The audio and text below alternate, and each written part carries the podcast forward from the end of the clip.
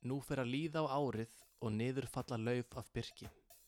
Nóttin svarta tekur við, margur týnist inn í myrkri. Hvenar kemur nýtt samkominbann í síðasta skipti? Hvaða veitingar verða opnar? Hver fær ríki styrki? Verður landið okkar góða einhver tíman COVID laust? Hér verða engar íþróttir leiknar, sama hversu raust. Tekst okkur að sjá tónleika, kannski fyrir næsta haust.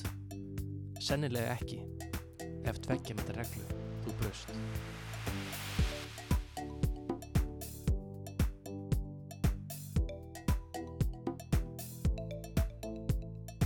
Hvað er þarna í nýtt hljóð bara í hverju viku eða? Já, er það ekki stefnan? Það er eitthvað svona, svona. Þarna, þetta fer bara, þetta verður orðið bara ágætis þarna í ágætis hljóðbók þínu varir. já, ætti að færa það? Setja þetta kvæðisbók? Nei, Já, ég er- meina þú veist, ég er ekki allir, ég meina hart í ári í öllum og ég meina þetta er bara partur af því þá, ég er bara að að afla sér tekna. Nú, nú ertu fann að kýtla egoð mitt aðeins mikið sveit. Já, já, já, já. Enga framtæki, kallar mín. Enga framtakið það. Heyrðu, hvað sér gott? Já, ég er ágættu bara, sko. Smá, hérna, eins og kannski vinnur okkar vita, þá eru lögadæg með því svolítið þungir, sko. Þegar maður fæ, sér vinglas, eins og við gerðum með hann Magga hérna. Voðalega viðkvæmnu. Já, já, nei, ég er ágættur, en ég, ég bara svona aðeins eftir mig eftir, eftir það, en- en allt í góðu samt, sko. Þú verður það bara að sleppa að fá þig vín og ef þú getur ekki höndla mándaginn, kallar minn. Ha, Já, þetta er vandamál. já, vín með þér að alltaf. Þetta er vandamál. Nei, ég er nú bara að grínast aðeins í þér. heyrðu, við ætlum að fara að keira þáttin í ganga eða ekki. Jú, þetta, einna, ég vil, ég ekki að koma í það, við erum að þakka fyrir bara frábæra viðtökur á fyrstu dátum okkar. Ég er bara, bara mjög ánað með þetta og hálf snortinn bara, sko. Virkilega, virkilega flott í okkur. Virkir flott hjá okkur, ha, klætt okkur meira aukslina hérna. Ha. við erum að rósa, það er nokkur sem er nokkur líka að rósa það ekki. Við ekki að koma því að það sé rétt að það, þá erum við kynum minn. Jú, jú, jú, það er hérna, hann, Þóran Átni Pálsson, DJ Totos, hann alveg bjargaði okkur með að hjálpa okkur með lög, lögin og hérna, redda allir tónlistaliðinni, sko, þetta væri bara erfitt án hans, sko, og svo væri náttúrulega að gefa sérstaka þakkir til hann haflega breyðfers sem að bara, þetta væri ekki hægt án hans sko, hvað hann er búin að hjálpa okkur vikið og koma okkur á stað sko, því við erum svolítið að læra á þennan hlaðvarpsleik sko, og fá svona reynslu bolta til að aðstofa okkur leipin okkur, þetta er bara ómetanlegt Svo vil ég líka koma sérstöngum þökkun til, uh, já, herramannana sem að sjá um og eiga vínstúkuna þar sem við sittum. Já, vissulega vínstúkan tíu sopar á laugaveginum. E, þar sem að allir geta núna farið og fengið gott takeaway, best- besta, besta kjúklinga samloka Já. sem ég fengið mér Já, er ég- á vínstúkunni. Fekk hann um velkina, vá hvað það var gott Og, þarna, ég, og ég mæli sérstaklega með því að drífa ykkur þangað í takeaway og takk fyrir að lifa ykkur að vera hér í bakhúsinu Já. hjá þeim. Svolítið að, kósi hérna hjá okkur mjög kósi, hérna starfækja er vínskólan, Já, sérstaklega vínskóla sem er mjög skemmtilega sem að Óli Óla, einn skemmtilegasti maður á Íslandi fer yfir og sérfræðingur fer, yfir, fer yfir vín með fólki og þannig mæli, við, mæli með að kynna ykkur, kynna ykkur það. Uh, algjörlega En, en já, Ég ætla að koma að fyrsta viðmælda Já, er, vilt þú ekki bara lesa þetta Jú, inn? Er ekki spurning, það ekki flott? Jú, skiptir svona millu Já, takk, takk, bara, gjör þessu vel sveit takk að fyrir það. Gesturinn okkar á þessu sinni fætist í Reykjavík árið 1990 og er af einhverjum talin einn metnaðafylsti pólitíkus á Íslandi. Þrátt fyrir ungan aldur er hún með langa reynsla á stjórnmálum en einni hefur hún starfað við jafningafræðslu hins húsins, bladamaður á morgumblaðinu og lauruglukona hjá lauruglun á Suðurlandi. Viðmældu okkar hefur meistari gráðu í lögfræði frá Háskóla Íslands sem hún kláraði árið 2017. Í sjálfstæðisflokknum hefur hún sint mörgum störfum, meðal annars hefur hún setið í miðstjórn sjálfstæðisflokksins og í stjórn SUS, sambandi ungra sjálfstæðismanna. Árið 2011 til 2013 var hún formar heimdallar, félagi ungra sjálfstæðismanni í Reykjavík. Árið 2015 bauð hún sér fram sem rítari sjálfstæðisflokksins, en þar fór hún fram gegn sítjandi rítaraflokksins Guðleið Þór Þórðarsinni, sem síðar dró frambóð sér tilbaka og var hún því sjálfkjöri rítari flokksins og syndi því alveg til ásins 2019. Gestur okkar í dag er ekki hafin yfir alla gaggrinni en sumir virkir í aðtúasendum eru duglegur að láta hana heyra það í aðtúasendakerfum þar sem hún hefur einnig fengið morðhóttinir bæði fyrir skoðanir og störf sín. Árið 2016 var hún fyrst kjörun á þing fyrir sjálfstæðisflokkin og hefur meðal annars gengt formensku í fjöldanemndum innan alþingis. Ber þar að helsta allserjar og mentamálanemnd, utaríkismálanemnd og Íslandsdild NATO en einnig hefur hún setið í efnas- og viðskiptanemnd alþingis. Viðmældu okkar hefur á þessum skamma tíma á alþingi fyrstu handar reynslu að tveimur á sögulegustu ríkistjórnum í íslenskri pólitík. Þeirri skamlífustu árið 2016 og þeirri sem samanniða pólitíska leitróið alveg fara á vinstri til hægri árið 2017. Á síðast ári var hún svo yngsta konan til að taka ráþarastól þegar hún var skipið í embætti dómsmálaráðara eftir að flokksýstri hennar Sigriður á Andersen stegi til liðar. Við kynum til leiks áslögurnu Sigurbjörnsdóttur.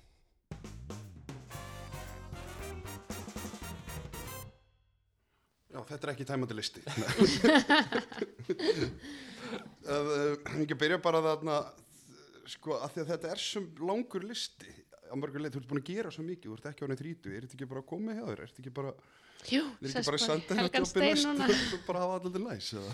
Já, ég er nú að vera þrítug í þessum mánuði Já. þannig að hérna, þá er ég komin yfir þrítugt Já. þannig að það getur kannski fólk hægt að í aldur já, mitt, já. eh, ég sé undir þrítugu Já, um, en nei, þetta er auðvitað búið að vera ótrúlegir tímar svona síðustu ár um, og auðvitað miklu hraðar heldur en ég kannski bæði ætlaði mér og hérna hafiði hugalundum, geti gerst um, en að sama tíma þá held ég líka að við þóru til stjórnmálun að verða að vera þannig að þú getur bæði komið að inn ungur og verið lengi þú getur komið inn ungur og farið og gert eitthvað annað og komið inn aftur.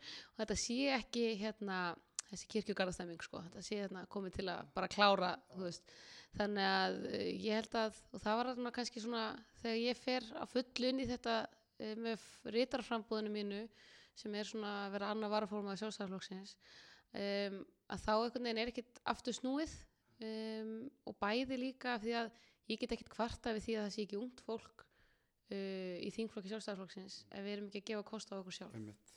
Og það, þú barist aldrei fyrir því, þú sérstaklega þú talar, þú bauðst þig frá sér rítar af flokksins og þá talar þið fyrir að það þyrfti svona minna íhald og, og, og meira ungu fólki. Hefur það einhvern veginn tekist í flokknum? Þér- Já, það er, ég meina, flokkurinn hefur á að skipa tvo yngstu hvern ráðherra í Íslandsögunni. Þannig að, eh, að sjálfsögðu hefur margt gerst og flokkurinn bæði við sínt það í prókjörum, hann treystir ungu fólki og uh, ég fekk annarsæti í prókjöri 2016, um, þá 25 ára gömul, það verða 6 26 ára. Þannig að hérna, flokkurinn hefur nú aldrei sínt það, hann treystir ungu fólki og ekki bara til að hafa það på punt heldur í þessar áhrifastöður sem ráðherra hérna, stólar eru. En hvernig hefur það ge- hvernig hefur gengið að berja á íhaldinu inn í flokknum? Berja og íhaldin. Já, sko, þetta er svona svolítið uh, þetta er svona sérkennileg lína af því að það, sko, íhaldið og frjálslindið eiga margt sammeðilegt. Það er kannski svona uh, meira stjórnlindið sem við erum alltaf að berja á móti uh, og síðan þurfum við að finna svona okkar línu milli íhaldsins og frjálslindið sem við viljum fara því að þetta snýst svona svolítið já, meira um það að minka ríkisafskipti og lækka skatta og auka frelsi einstaklingsins og það á bæði hérna, með íhaldinu og frjálsindinu. Þannig að ég held að fjölbreytileiki sé bestur. Flokkurinn er bestur þegar hann er uh, stór fjöldarheyfing með alveg ýmsum skoðunum og það sé ekki þannig að uh, þú þurfir að eiga sam, nákvæma samleið með þeim öllum.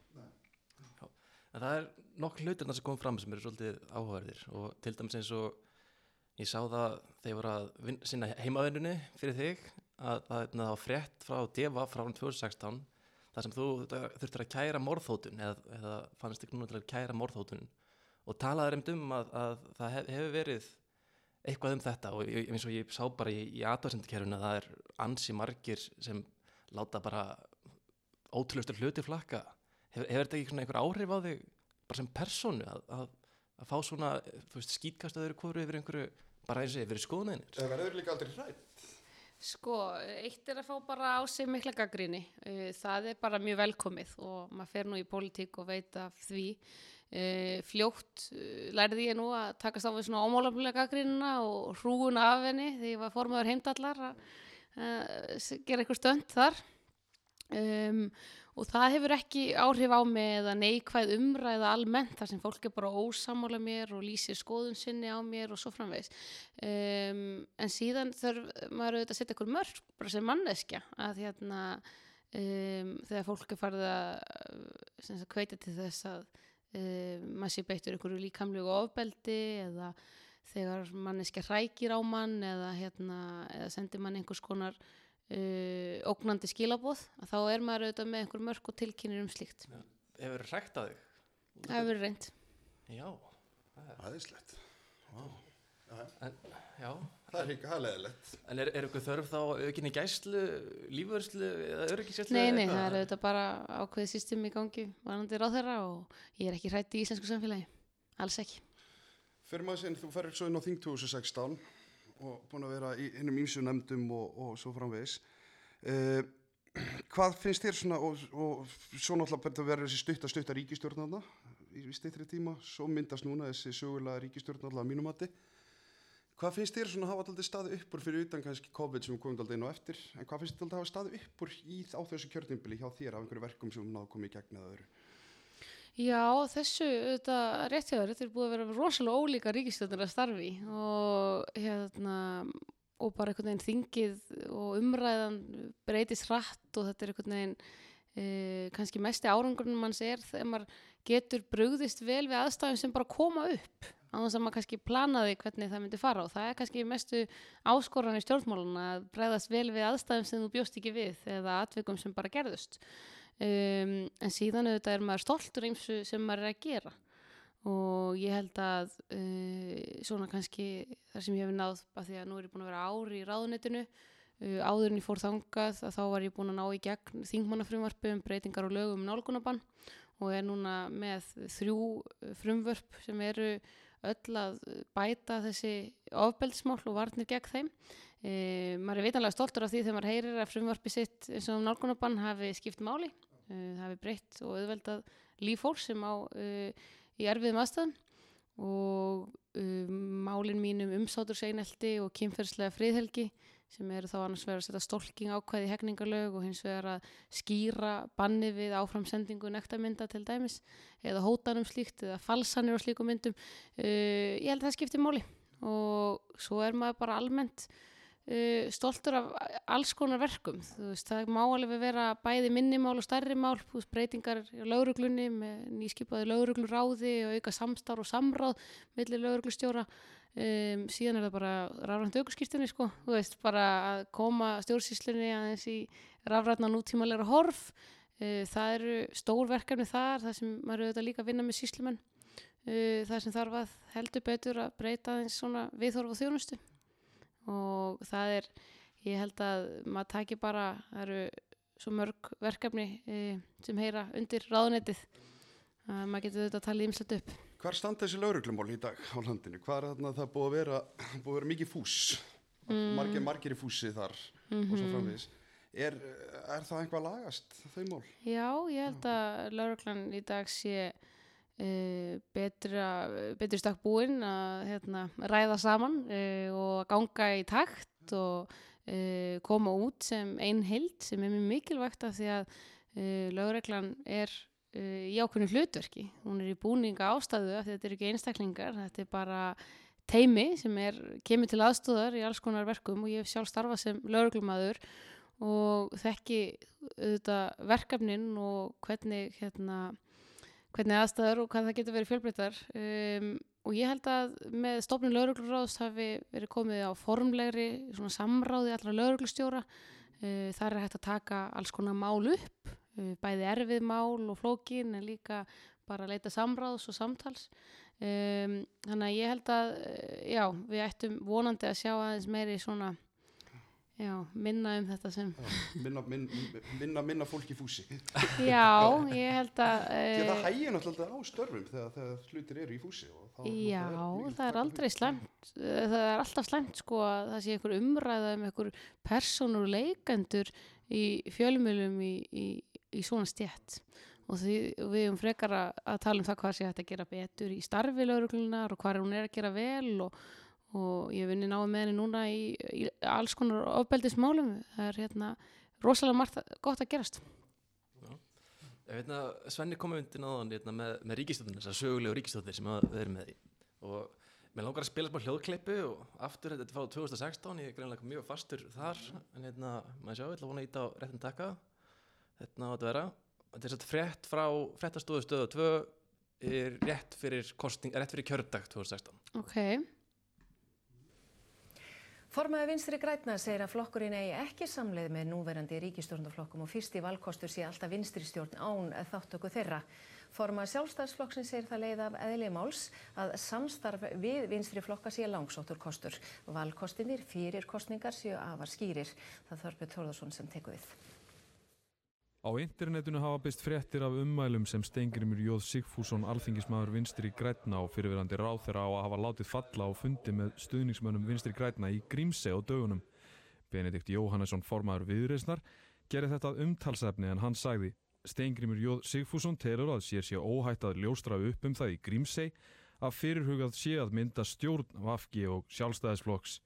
Benedikt segir að Stengrimur hafi glemt að stundum berist fréttir í land jafnvel frá afskektustu stöðum. Umfjöldunum meint ummæli Stengrims gengur svo langt að greint var frá því frétt á vísi með fyrirsögninni stjórnvafki og sjálfstæðisflokks í deglunni. Stengrim Jó Sigfússon hefur alfarið vísa þessu á bug og segir það helber hann þvættinga að hann hafi látið eitthvað þessu líkt falla á umrændum fundi í Grímsei.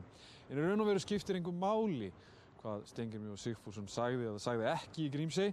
Hann er ekki formaður vinstri græna Hún heitir Katrín Jakobsdóttir. Katrín var ekki á umrættum fundi í Grímsei. Ef að þessi ummæli eru sann sem þau eru ekki að marka móa Stengur Jóhann Sigfússonar þá myndu þau ekki samrýmast þinn eigin afstöðu eða hvað? Nei og ég meina mín eigin afstöðu er bara takt við þá stefnu sem mín reyfing hefur tekið og, og samþyktum með þessi álíktin fyrir þessu árið um að við sjáum fyrir okkur að ef stjórnarnarstöðuflokkarnir fáið til þessu umbóð þá eigi þeir að mynda hér ríkistjóð á nokknum kostningum. Bjarni Benediktsson segir að margt hafi verið sagt í umræðinni sem standist ítla skoðun en staðan sem sé að teiknastu upp fyrir kostningar sé skýr. Hér verður myndu ríkistjórn eftir kostningar með aðkomið sjálfstæðisflokksins með þeim áherslu sem við höfum verið að fylgja og hafa skilað miklum árangri eða svo ríkistjórn verður skipuð vinstri flokkum með pírata og vinstri græna sem leiðandi öll. Auðvitað eru mestar líkur á því að flokkar sem eru nær okkur í hugmyndafræðinni geti mynda með okkur ríkistjórn heldur en aðri. Það er bara líkur hlutan að segja. Já, það er myndið hérna, sem sagt, hvað, þú veist, þarna var alveg á frá að Vafgi og, og sjálfstaflokkurinn væri að fara að mynda stjórn, svo gerist það að sjálfstaflokk mynda stjórn með bjartir framtíð og viðreist. Það, hérna, það samstað springur og það árið setna þá komið ríkistjórn Vafgi og sjálfstaflokk. Hva, hvað breytist í mildtíðinni og, og eins og Bjarni talaði um þessi hugmyndifræðilegu, þessi hljómgrunnu, sko, að hvað Mér langar að vita hvað hva mm, breytist tíma? Rúmi árið setna, hérna, um, auðvitað breytist það að það eru bara fleiri, aldrei verið fleiri flokkar, kostnir og þing og það er ábyrgar hluti að mynda ríkistjórn og það verður bara að gera og það uh, var mörgum veist stjórnarmyndunum umbóðið, það gekk illa að uh, gera það hjá fimm flokkum, uh, reyndist erfitt og við þurfum bara að taka þá ábyrg að segja þetta sniður og finna út, heyrðu, það þarf að, það þarf að mynda ríkistjórn það er best með uh, ekki ofmörgum flokkum, það getur reynst erfitt. Uh, þá er búið að reyna ímsar uh, svona leiðir í þessu og þá þetta um, var þessi leið farin og ég held að hún sé farsal á þessum tímum þar sem bara um, og við náum auðvitað ákveðni lendingu það þurfa allir að gefa eftir í svona samstarfi. Um, og þetta var kannski ekki ekkert sem blasti við áður og eins og sést í myndunni 2016 þegar við förum með viðreysn og bjartir framtíð sem eru nær okkur í ymsu um, en það endist stutt. Þannig að uh, ég held að það sé hafi verið ábyrð og mikilvægt að mynda þessa ríkistjón á þessum tíumpunkti og það hefur held ég bara gefið sér vel og við hefum séð það hvort sem það er í ymsum áskorunum sem hafa komið fram á COVID eða í mm. COVID-19 sjálfum það verðist líka hafa alltaf farið bara ágætlega vel með okkur á, á millisara flokka sem að kemur til kannski sem að kom mér, sem að hef, kom mér í raun og vera óvart að, að það myndi Já. gera Já, það verður ríkt tröst auðvitað, miklar áskoranir á hérna ymsum málum og mikið sem þarf að ræða og finna einhverjar málamilanir í, en það er bara partur á pólitíkinu að þú ert ekki með yfir 50% af aðkvæðum og ég held að uh, þetta hefur kannski komið okkur öllum aðeins óvart hversu vel þetta hefur gengið um, og hversu veginn, fyrir alla, það eru allir sem fá eitthvað en engin allt og þetta eru auðvitað þrýr mjög ólíkir flokkar en eiga auðvitað bara það sammeilegt að vilja standa vel að þessu og bera það ábyrða að vera hér í ríkstjóðum. Þú vorum með Helgu vel hérna síðustu viku Helgu Vili Helgadóttir, þingmann samfélkingurinnar og við rættum að var hana og hún talaði um íhaldsemina sko, þarna verið þrýr svo íhaldsemi flokkar að það væri kannski ekki það mikið, lægi ekki það mikið munur á milli. Auðvitað er gríðarlega mikill munur á vinstri En- grænum en og hvað er þetta líka með eins og marga frjálslinda miðjumenn og svona ræðum með þetta, með þetta íhaldssama atri hvað eiga er við með þessu? Ég, Já, þetta hérna það er kannski bara svona að vilja ekki gjörbylta öllum kerfum um, og vilja gera það varlega, fara skinsamlega í það. Uh, það sé ekki þörf hérna á bara einhverju byltingu. Heldur búum við bara í freka góðu samfélagi sem við viljum bæta og það er endalast að gera það er að auka frelsi fólks án þess að það bylti samfélaginu. Ég meina sjálfstæðarflokkurinn hefur staðið fyrir uh, stórum breytingum eins og bara uh, réttindi samkynniðra uh, langt flestu breytingunum uh, þar á.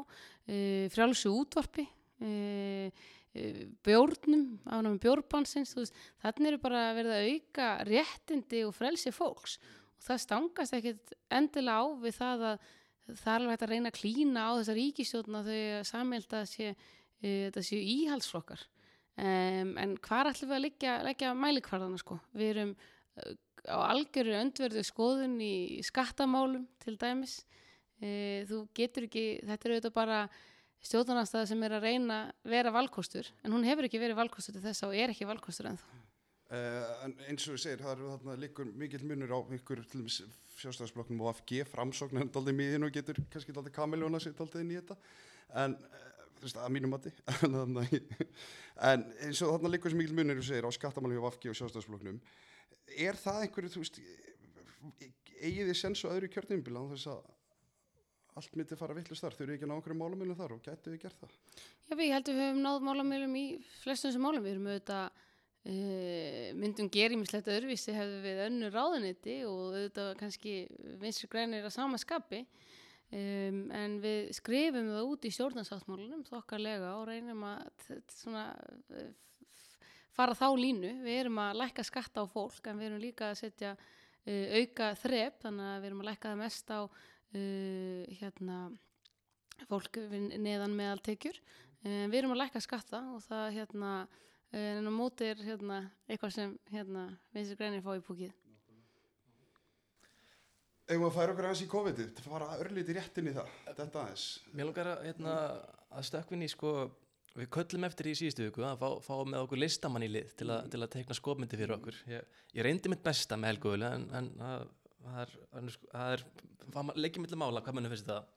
En við fengum hins vegar til okkar liðs, hann er Embla Örk og hún heitir á Instagram Embla Örk Arst og er rosalega, rosalega fjölhæf, góð listamæður. Og hún teiknaði það já, ég- það sem ég finnst þessa stór skemmtilega mynd ég ætla að fá að sína þér náslegu og ég ætla að bræðast aðeins við þessu þess að hérna, fyrir aftur í virkir og aðtöðasendum að, Já. bjarnabóðanir Já, er ég og Brynja Níelsson og Bjarni ég er í góðum höndum þannig það er algjörlega ljóst, það er nú að hafa húmor fyrir þessu. Þetta eru vantarlega eftir komment í virkum í aðtöðasendum þannig að hérna þetta er vel teiknuð mynd það er ekki að segja hana. Með ábúslega bumbu en ég er í bláum buksum þannig að hérna það er í toppmálum sko þetta er alltaf rekja, rekja vega núna um helgina þetta er flotti búningu það. Já, þetta, ég ætla að taka þessu bara sem hrekkjafökumynd þetta er hérna, já það ekki? Já, já. En þú veist, við höldum við þetta á fjármunum ríksins og hérna, við þurfum að fara vel með það fjö og stundum uh, mætti kannski halda að fólk teldi að það væri endalaust hægt að hérna uh, bæta í. Og auðvitað er það hægt þegar vel gengur. Og við höfum auðvitað líka gert það, sérstaklega í velferðamálin um, en svo verðum við líka að tala um það að það verður að fara vetur með það fjö sem við erum að nota. Og það er einhvern veginn umræða sem sjaldan kemst upp á svona pall. Uh, hvernig við getum gert það betur og þetta hjálpa tæknin vel við það en líka bara uh, hvar tækifærin liggja í því. Og hvernig getur við gert það betur? Ég held að sé mörg tækifæri, það eru þetta stafræn uh, bylting sem við erum að setja með stafræn í Íslandi mun breyta mjög miklu uh, að við munum spara stór fjö uh, á uh, þeim breytingum bæði þjónustu og líka auðvitað bæta þjónustu við fólk. Síðan held ég að með við hvað ábúslega mikil, mikli fjármunir eru í heilbríðiskerfinu að þá þurfum við að skoða það hvort við séum að fá það besta sem við getum fyrir þær krónur og ég held að í öllum kerfum geti farið mjög svona göm, að vera hægt að fara mjög umgeðlega yfir og við hefum fengið OECD til dæmis í leysið okkur að skoða uh, atvinnumálin og koma með innföldun og regluverki sem sparar líka fyrir þannig að hérna það er fjölmörg fjölmart hægt að gera. Förum aðeins í COVID, klárum það bara. Já, Þannig að við getum að það, við verðum alltaf aðeins að fara yfir og fá alltaf viðbröð, viðbröð uh, þín og, og, og, og þannig að ég, þetta er búið að taka alltaf mjög stóra hluta kjörðin, þetta er bara eitt ára verið sem þetta er að taka, uh, sem að COVID við tekið, þetta lítur á hægt alveg rosalega á störfið þingsins, jú og bara auðvitað setur bara þetta í forgang. Allstaðar, viðbröð við þessu hvort sem það er viðbröð við veirunni og útbröðslunni eða viðbröð við takmörkunum og áhrifum sem veiran hefur uh, og takmarkanir okkar. Þannig að þetta er auðvitað setur allt í nýtt samhengi þetta er aðstæður sem enginn hefði ekki órað fyrir fyrir einhverjum mánuðum síðan.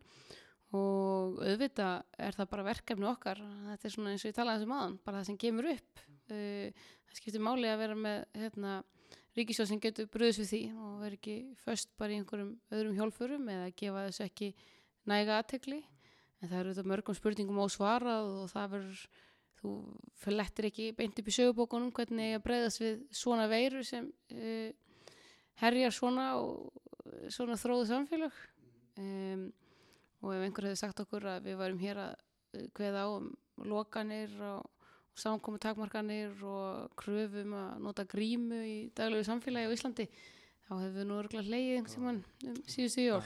Skrítið.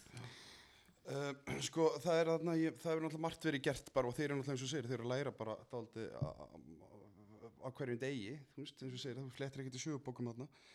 Uh, núna fyrstu daginn tókum við uh, já, ný, ný lög, eða ný sóttvartalög eða ekki, takmarkunir niður í tíu og svo framvegis. Það hefur verið daldi rætt um að það hefur hallað daldi á veitingabransan þarna. Mhm. uh, hvers vegna var ekki, hvers vegna var ekki bara öllu skellti lás og komið út með einhverju lókunastyrki eða annað? Mm, sko, uh, þetta eru sem sagt settar nýja reglur sem heilbríðisráðara uh, tekur ákvörunum eftir tilmæli sótvarnarlæknis. Um, þú spyr sérstaklega um þetta. Uh, það á ekki að vera kvati til þess að fá lókun frá ríkinu. Ef við ætlum að styrkja fyrirtæki, þá að styrkja fyrirtæki með þeim reglum að það séu kvati til að ganga lengra en auðsinn krefur. Og varðandi veitingabransan eða almennt fyrirtæki sem ekki eru lóku núna í þessu, að þá hefur við lagað tekjufallstyrkina svo að þeir veitingamenn og fleiri fyrirtæki falli betur undir það úrræði og að það úrræði sé ekkert verra en lókunarstyrkir.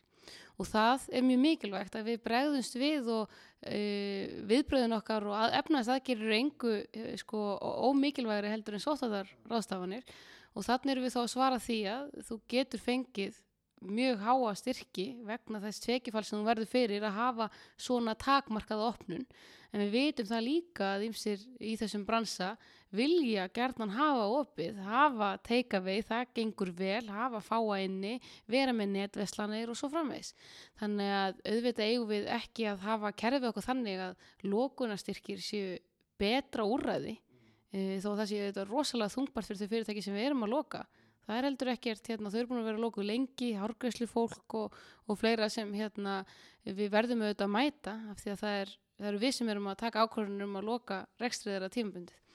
Um, og þess vegna bregðust við, við með uh, því að hérna, það sé uh, annað úrræði bóði fyrir þessu einmitt eins og veitingabransan annað. En svo er líka svo margt annað sem þarf að skoða uh, varðandi hérna, almennt um hvern, hvað áhrif takmarkaninnar hafa.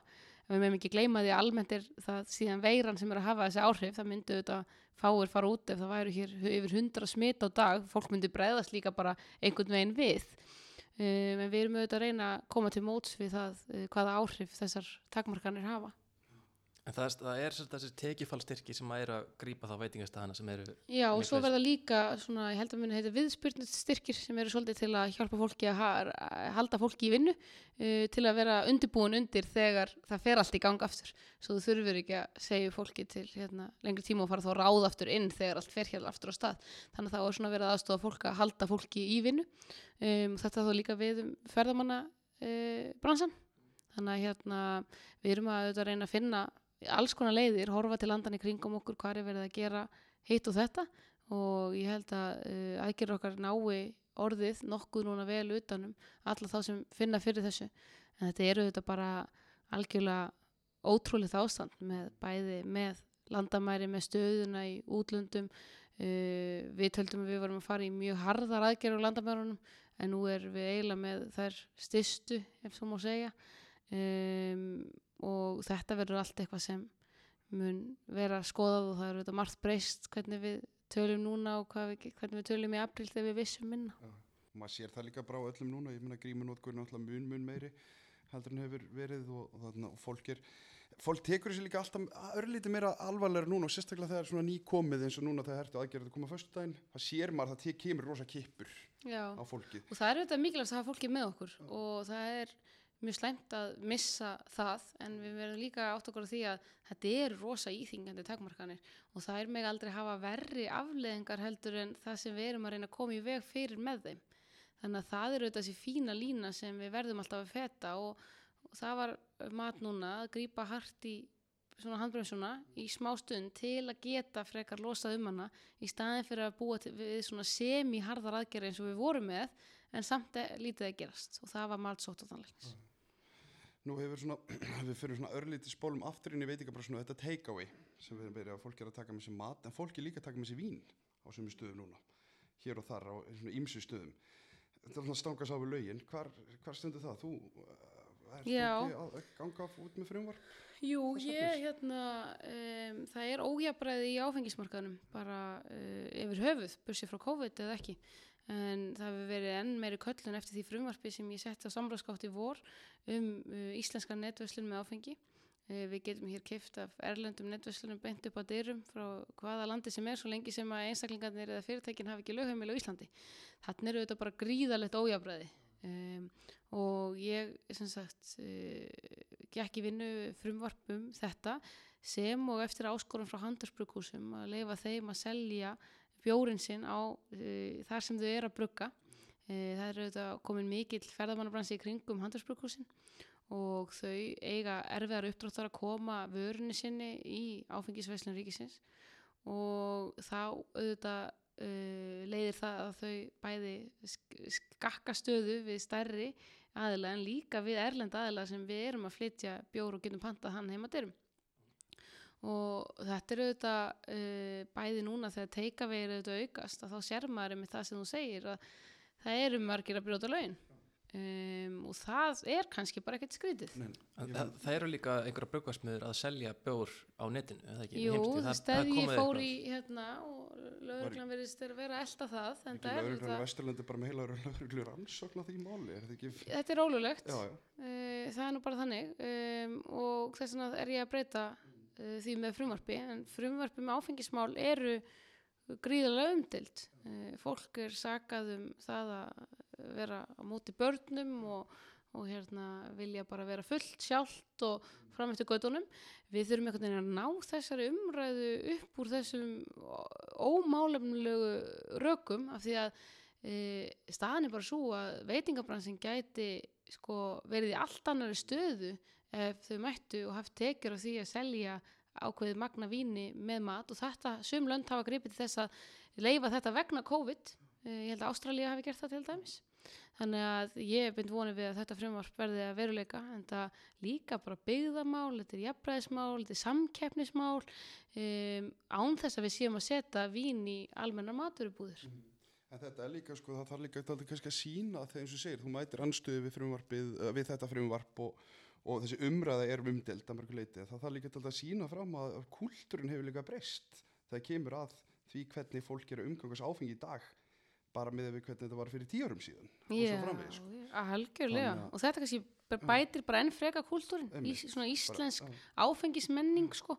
Um, og ég held að eh, það sé sko algjör þvæla að halda þig fram að þetta sé að auka aðgengi fólks verulega áfengi fólk sem á við áfengisvandamála stríða það finnur sér áfengi og það finnur sér áfengi í dag með þeim reglum sem við búum við í dag um, og við þurfum frekar að eigða þessum fjármunum sem að mínumati sem fara í að reka áfengisfæslun ríkisins í forvarnir og annað starf fyrir þá sem þurfaði að halda það sé ekki hér bygglistar á uh, þessi úrræði sem hérna vogur eða S.A.A. og svo framvegis sko um, en það er þessi anstæða við þetta mál um, hún kristallast í þessu sem við kannski rættum svolítið aðan sem er stjórnlindið. Og þarna e, til dæmis hefur sjálfstæðarflokkurinn talað inn róma um þessi mál, frelsi í þessu málum. E, þannig að það eru þetta e, þegar fólk allar að eitthvað neina ít á það að allir e, flokkar sem eru kannski hægra megin séu íhaldsamir þá er það ekki það sama og að sko stiði ekki frjálstindi og frelsi eins og í þessu málum eða mannanöfnum eða bjórnum eða útvarpinu eða hvað sem er. Já, ég veit, na, ég veit nú að Sveitn hatar nú ekki að tala um áfengi sko, að gera, gera hún reglulega. Og ég ætla, mér langar að koma aðeins meira inn á þetta eftir en að bara, kannski að því við vorum að tala um COVID aðan og við erum komin út í áfengi svolítið sko, að á förstu daginn þegar þessa hertu aðgjör voru tilkynntar þá hérna var alltaf öll íþróttastarfi sleifað og hérna þá kom í ljósa að, að Valur er, er Íslandsmeistari Karla í hérna fókbólta og breyðarbleikar hvernig meginn, svona sem dæmi sko. Og það báðast fréttir að þeir strax sko daginn eftir að valsmenn hefði fagnað vel og innilega með áfengi við hönd og ekki endilega virt þessar hertu takmarkanir. E, e, veistu það, er, er þetta mál eitthvað í skoðun eða þarf þar ekki að taka eitthvað á þessu sektaðu jafnvel til að gefa eitthvað fordæmi að því að ég veit nú þess að blikastelpuna fögnuðu bara á Zoom, þær hefði sennilega alveg verið til að fagna í ykkur partíi líka sko Já, þetta er þetta bara óbúslega erfið lína. Við erum að takmarka líf fólks mjög mikið og að hérna að reyna uh, til að reyna að stöðva útbröðslu þessara veiru. Um, þetta fer auðvitað bara sína leið eins og önnum mál þar sem fólk hefur brotið sóttarnalög eða reglgerði þarum um, og það er auðvitað ekki að borði hérna ríkistjórnar eða ráðhara þannig að hérna það er auðvitað markmið með að hafa þessar reglur er að ná árangur svo að við getum um leift okkur þetta og maður byndir auðvitað mikla vonum við það að þessar takmarkanir þurfi ekki að standa lengi yfir. Já en þegar ég get hérna, svona eiginlega hunsa þetta og, og það er engin viðlu við því. Það eru viðlu við því. Já, en er, er verið að beita þeim? Er... Já, já, það er fólk hefur verið sagt að við að brjóta sótkví og brjóta þær reglur sem eru hér vegna þessa. Já, ok. Ja. Þannig að hérna, það er bara verkefni lauruglunar og annara yfirvalda heldur en ráðhara. Já. Færum okkur örlíti yfir í annað málmálunana málana sem er sem er hérna nýja stjórnarskráin og, og, og svo öll umræða. E, þurfum við einhver nýja stjórnarskrá? Erum við ekki meira bara með gamla sem mamma bæti Hvað er nýja stjórnarskráin? Ég Einmitt. veit það ekki alveg, hún hefur tekið stórlegum breytingum frá því að hérna, hér var einhver ráðgefandi þjóðarátkakreisla um einstök atriði e, hvort þetta leggja hann til grundvallar í e, einstökum atriðum. E, við þurfum ekki að gjör bylta stjórnarskráin okkar. Stjórnarskráin er grundvallar plagg sem á að tryggja grundvallar réttindi borgarna og grunnstóðir uh, samfélagsins og stjórnskipunar og hún á að vera fáorð og hitmið og standast tímanstönn. Uh, þar eigum við ekki að takast á við svona um, tíðarandan og breyta henni í, í, hjá hverju ríkistjóðn og það er ástæða af hverju það er erfiðar að breyta henni. Uh, við getum gert það í almennum lögum. Þar getum við bröðist við ymsu og það sem fólk segir að uh, þurfi endilega að, hérna, hvað geti, hverju þú getur breytt með því að breyta stjórnaskráni uh, flest allt getur breytt því bara með almennum lögum. Og það ætti bara að fara í stjórnmál og ná þessu hérna, þessum breytingum fylgis í gegnum almenn lög og hérna pólitíkina. Um, en það þýð það ekki að við e, þurfum alveg að breyta stjórnaskráni en við þurfum að gera það með varlegum hætti af því það er svo mörg réttindi byggð á henni og það að gjör bildinni og bara taka núverandi úr sambandi og setja nýja e, geti haft gríðarlega áhrif. E, domstólar hafa verið að dæma og tólka þessa stjórnarskrá í 20 ára og gert það verkum að ég mis ákvæði þó þú kannski lesir þau að þú áttar ekki alveg á því hvað fælst í því en þannig hafa domstólar tólkað ákvæðin þannig að þau, í þeim fælst gríðarlega mikil réttind og mikilvæg og henni var breytt gríðarlega mikið með uh, eh, mannreitndakaflanum til dæmis 1995 og við þurfum alveg og höfum lagt til breytingar á henni. Þessar, þessi ríkistjórn og ég held að flesta ríkistjórn hafi haft það markmiði að reyna breytinni en við náum litlum árangri í því þegar um, það er annarkort bara allt eða ekkert. Og ég held að það sé óskinsamlega nálgun En er þetta ekki þá þá bara stjórnaðast nokkri flokkar í stjórnaranstöðinni að bara setja sér í kostningagýrina þegar þú sér að Katrin Jakobs þetta að leggja sjálf bara sem þingmaður fram þrjár breytingar til dæmis sem að er raun og verið sumu breytingar og samfélkingin og píratar hafa verið að kalla eftir. Það er sem sagt ákvæði auðlindunum og, mm. og lögjavarvaldið og þarna í náttúruvenndar og ákvæði þetta, þetta er allt sem þau eru að tala fyrir. Þarna, þessi flokkar í stjórnarhagsstuðinni Já, er þetta alltaf populist einhver svona Jú, stemning í þessu? þetta er það. Og þarna er farið fram með rángfæslur bara um alls konar hluti. e, bæði rángfæslur um það hvað þarf að gerast í stjórnarskráni svo þess að tryggja hvort sem það er dýravend eða, hérna, eða bara alls konar annað sko.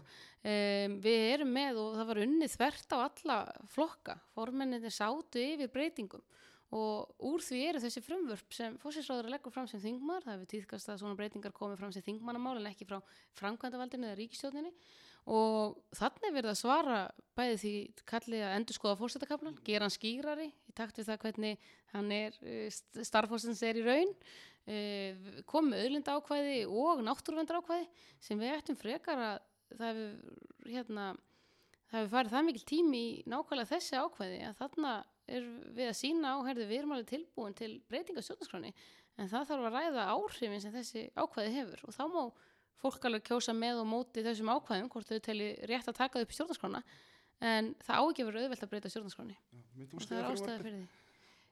Einhver af þeim. Ég þarf að hérna, skoða þau betur. Hérna, Helga var hjá okkur síðustu vikum og hérna, hún sagði að það var alveg morguljóst að fórstættiráður er ekki stuðning ríkistjórnar við þessi frumörp leggja fram.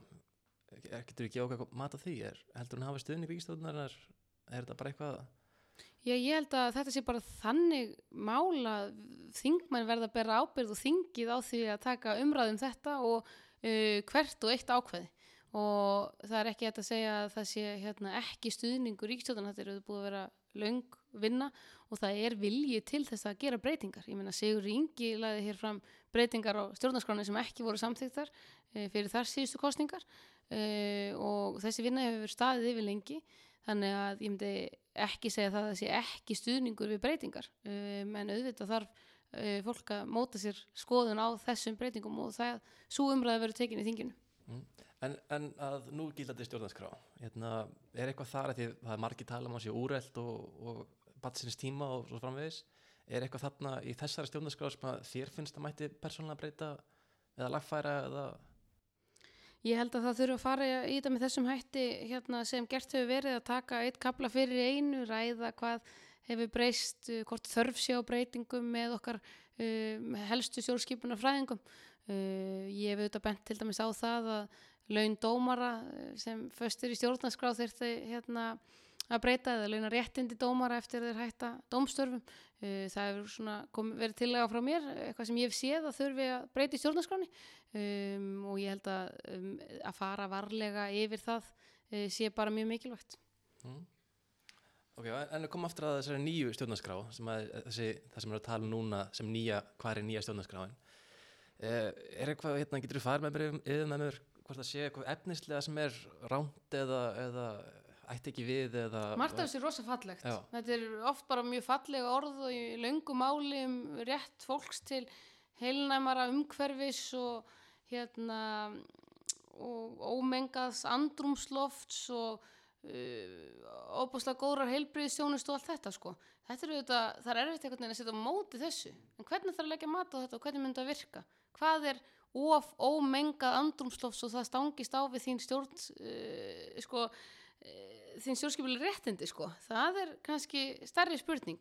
Um, þannig er líka auðvitað að vera að breyta stjórnskipan allavega sem fælst í breytingu frá stjórnlaráði að hérna, 10% kjósenda getur lagt fram frumvarp. Uh, það er til dæmis kjós, kjósendur Guðmundar Franklins í hérna, fósættakjörinu, þeir getur lagt fram frumvörp og haft áhrif á þjóðþingi þetta þarf að ræða sko, hver og einn svona breyting mun hafa gríðarlega áhrif þannig að það verður að vera hægt að ræða hverju eina breytingu og átt að sjá því að svona uh, stór breyting hérna, síðan eru ákvæðanum bæði dýravend, lögum útlendi, uh, útlendingamál og fleira öllu þessi uh, fiskveiðstjórnarkerfi öllu þessi er hægt að breyta með almennum lögum hvað þú tekur mikið veiðigjald því breytur ekki með stjórnarskrá, því breytur með almennum lögum mm.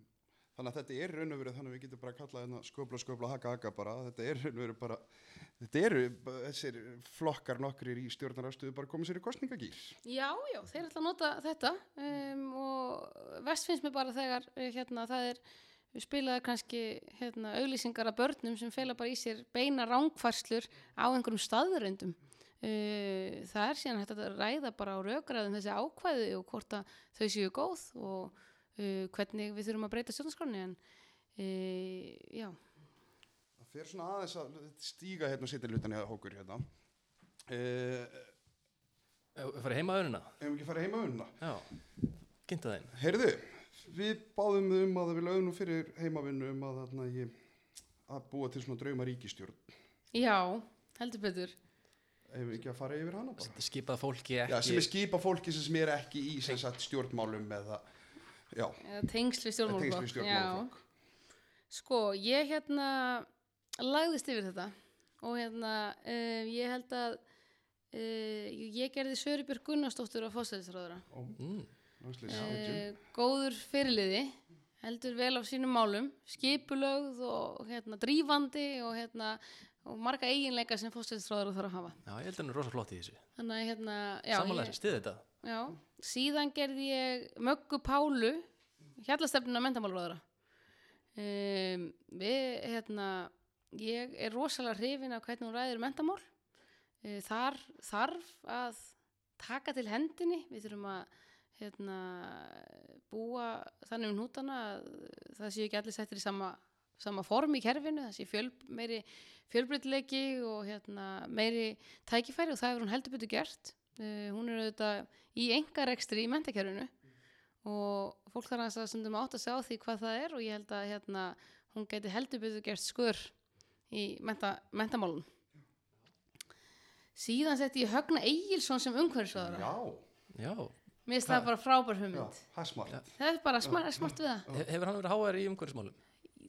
Nei, nei, hann er bara flott típa. Já, hann er bara umhverfislegur. Hérna, ég held að hann myndi bara nálgast þetta yfirvegun og syngja sig í gegnum þetta og, og átta sig á því hvað, hérna, milliveg þarf að feta og milli, Og einhvern hérna. veginn allir myndir hlusta. Já, ég bara, hann væri flottur í þetta. Sammála. Síðan setti ég Þorvald Davíð Kristjánsson sem félags- og barnamálur á þeirra. Ok.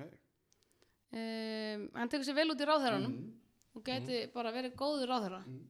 Þannig að hérna, ég held allavega, hann getur allavega vel leikið sér að því í, í, sjónvarpinu. Þannig að hérna, um, síðan setti ég Ásísi Kristjánsdóttur sem þeirra, hagfræðingur samtökum atvinnlífsins.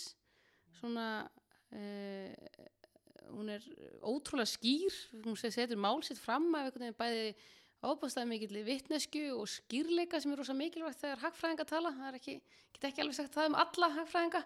Uh, mjög skýr og einhvern veginn hérna uh, með góða tillögur er ekki, sittur ekki alltaf bara á kvartar heldur kemur með tillögur og lausn, lausnamið þannig að hún var held ég góð fjármálaráðara síðan sitt ég Lukku Pálsdóttur sem heilbreyðisráðara hún uh, rak hérna happ veitingastæðin Já, já, já. Og tala mikið fyrir eh, Heilsu. heil, heilsu og hérna, heilbreyðra lífverðni og hvað það skiptir miklu máli og sjúkdóma og annað.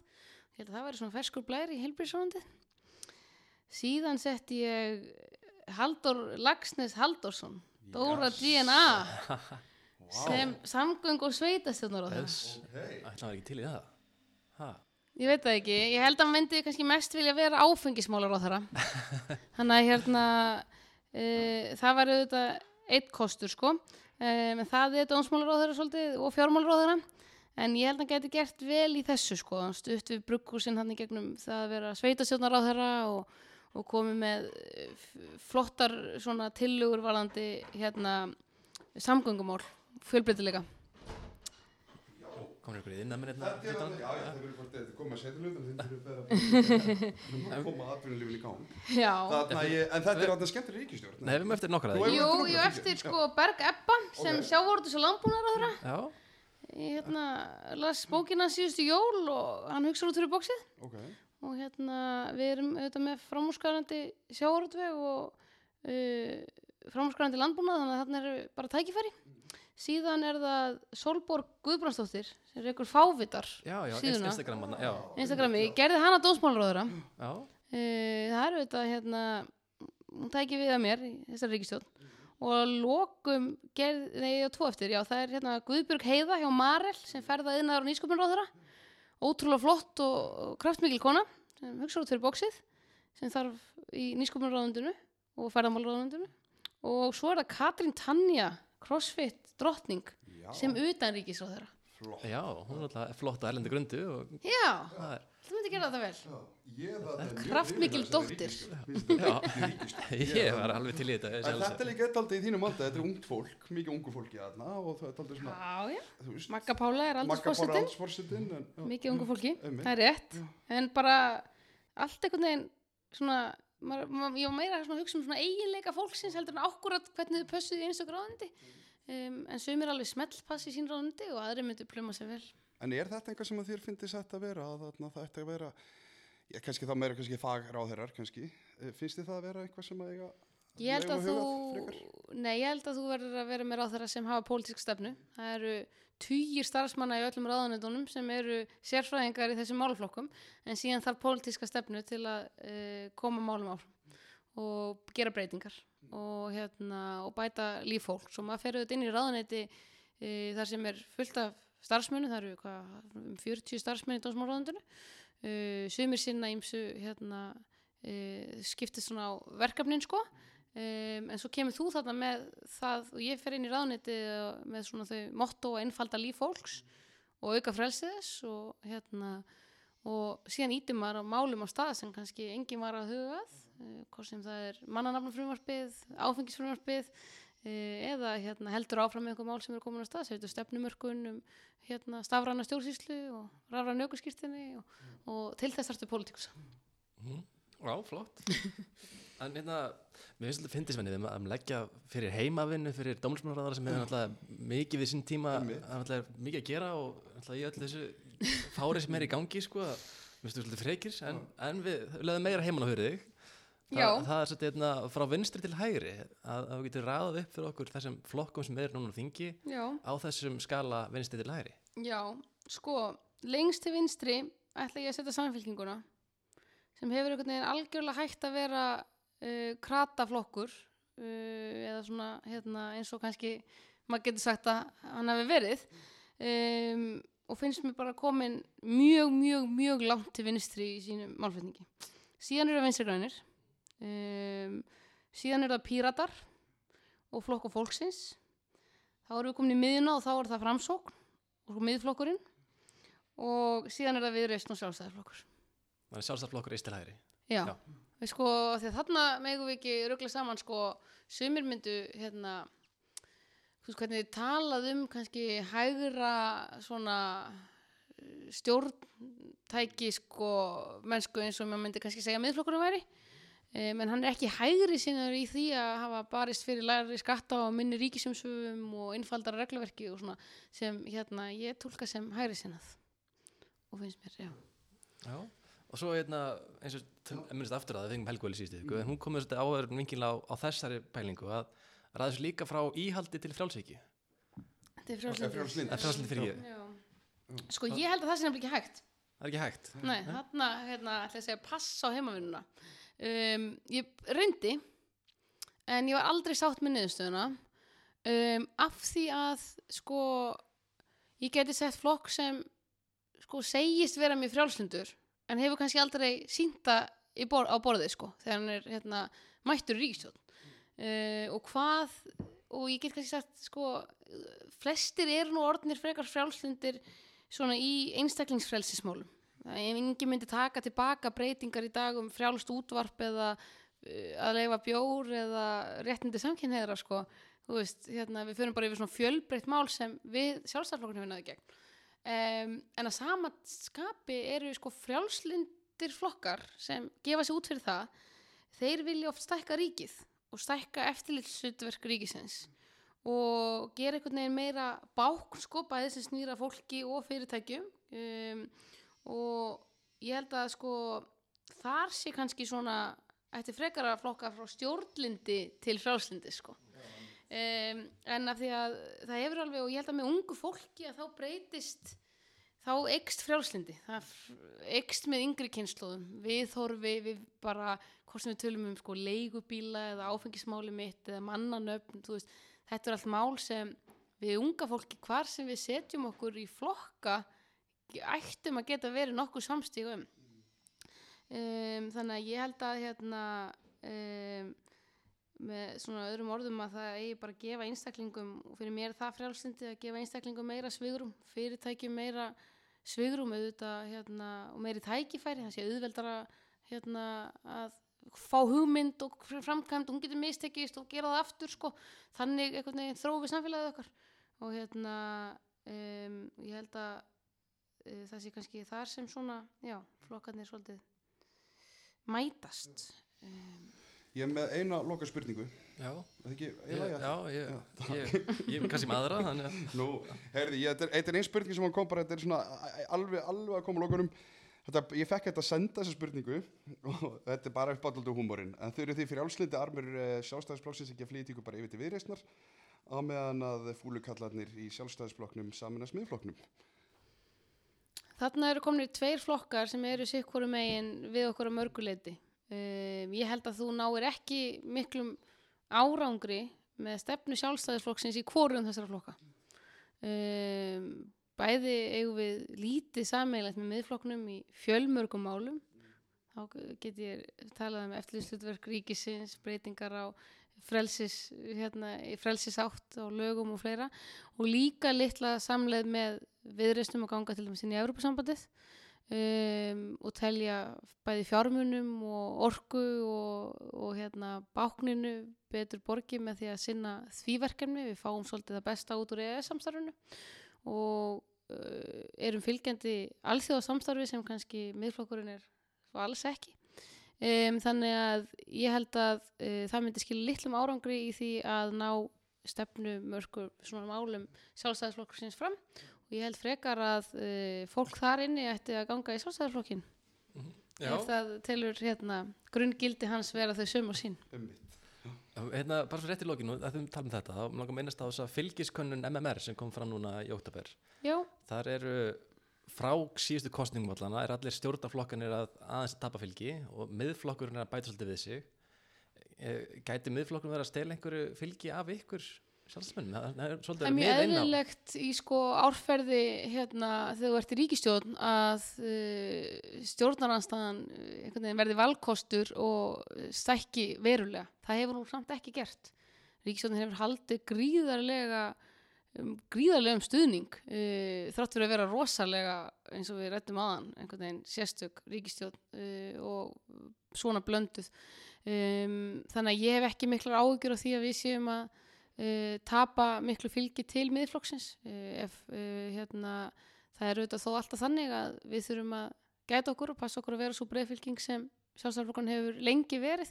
Og þar verður bara rúmast alls konar skoðanir og alls konar fólk og þannig viljum við hafa það, við með okkur við greinar á innan þingflokksins og innan flokksins. Um, en ég held að við náum mestum árangri ef við stöndum saman að svona þessum grunnhugsunum. Um, að einfalda lífflokks og au- auka einstaklings og atvinnufrelsi og hérna um, og svona fylgiskannanir á miðju kjörtímabili um, um, maður má ekki láta þær taka sig af tauginni Mm, En hver væri drauma ríkistjórniðin? Bara alveg, alveg í lokin.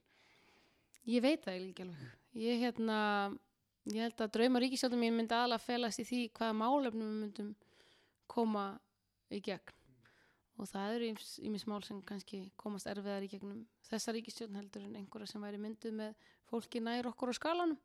Um, en uh, ég hefði til dæmis haldið að hérna, um, samfélkingin væri nær okkur almennt uh, ef við horfum til jafnamannaflokka út í Norðurlandunum uh, sem styðja til dæmis enga rekstur í mentakerfinu um, þar sem við fáum fjöl, meiri fjölbreytni í mentakerfið og þar sem það kostar ekki meira fyrir fólk heldur að peningur fylgi hérna einstaklingum og eins í heilbreyðiskerfinu í liðskiptaðagerðum uh, og aðgerðum þar sem fólk er að býða hér í mörg ár eftir að komast og við sendum þau til Svíþjóðar fyrir uh, háar fjárhæðir á enga rekstu þar í staðin fyrir að nýta þá færu lækna sem hér starfa. Þannig að mér finnst svolítið fúlt að það sé engin jafnamannaflokkur hér á landi sem stiður til dæmis þessa breytingar sem ég held að sé mikil þörf á ef við ætlum að bæta bæði helbriðs og mentakerfið okkar og nýta fjármunni betur. En er ekki samfélkingurinn bara þannig svona smá miðju kamerljóna flokkur þetta? Það hendur henni bara betur að vera vinstramagnu núna einhvern veginn. Það getur vel verið en það er erfitt að vinna með flokki sem þú veist ekki hvað, hefur, hvað þú hefur. Þess vegna hérna, hefur kannski samstarfið vinstri grein og framsókn gengið vel af því að þú veist svona nokkurnu veginn hvað þú hefur þessa flokka. Nákvæmlega. Það er ekki dómsmála ráðuniti að vinna og takk fyrir komin Takk hérlega fyrir mig.